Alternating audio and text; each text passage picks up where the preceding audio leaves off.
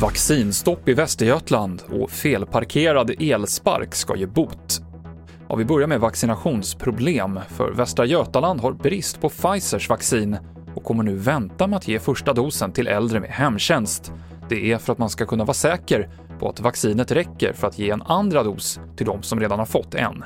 Det här rapporterar SVT.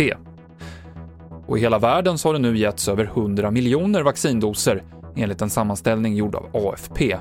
Men det är stora skillnader mellan länder. Ingen av de fattigaste länderna har inlett någon omfattande vaccinering samtidigt som Israel har gett minst en dos till över en tredjedel av befolkningen. I Sverige så är det omkring 3% av alla vuxna som har fått vaccin.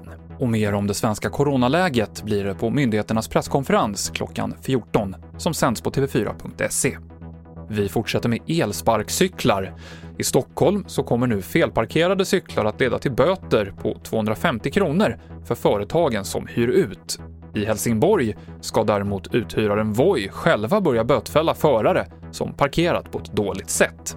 Målet är helt enkelt att eh, den lilla minoritet av användare som eh, felparkerar eh, kommer vi kunna egentligen ge repressalier till. Det sa Voice Sverigechef Erik André. Och långloppsåkaren Britta Johansson Norgrens fötter blev uppmärksammade i januari efter att hon drabbats av frostskador under ett lopp.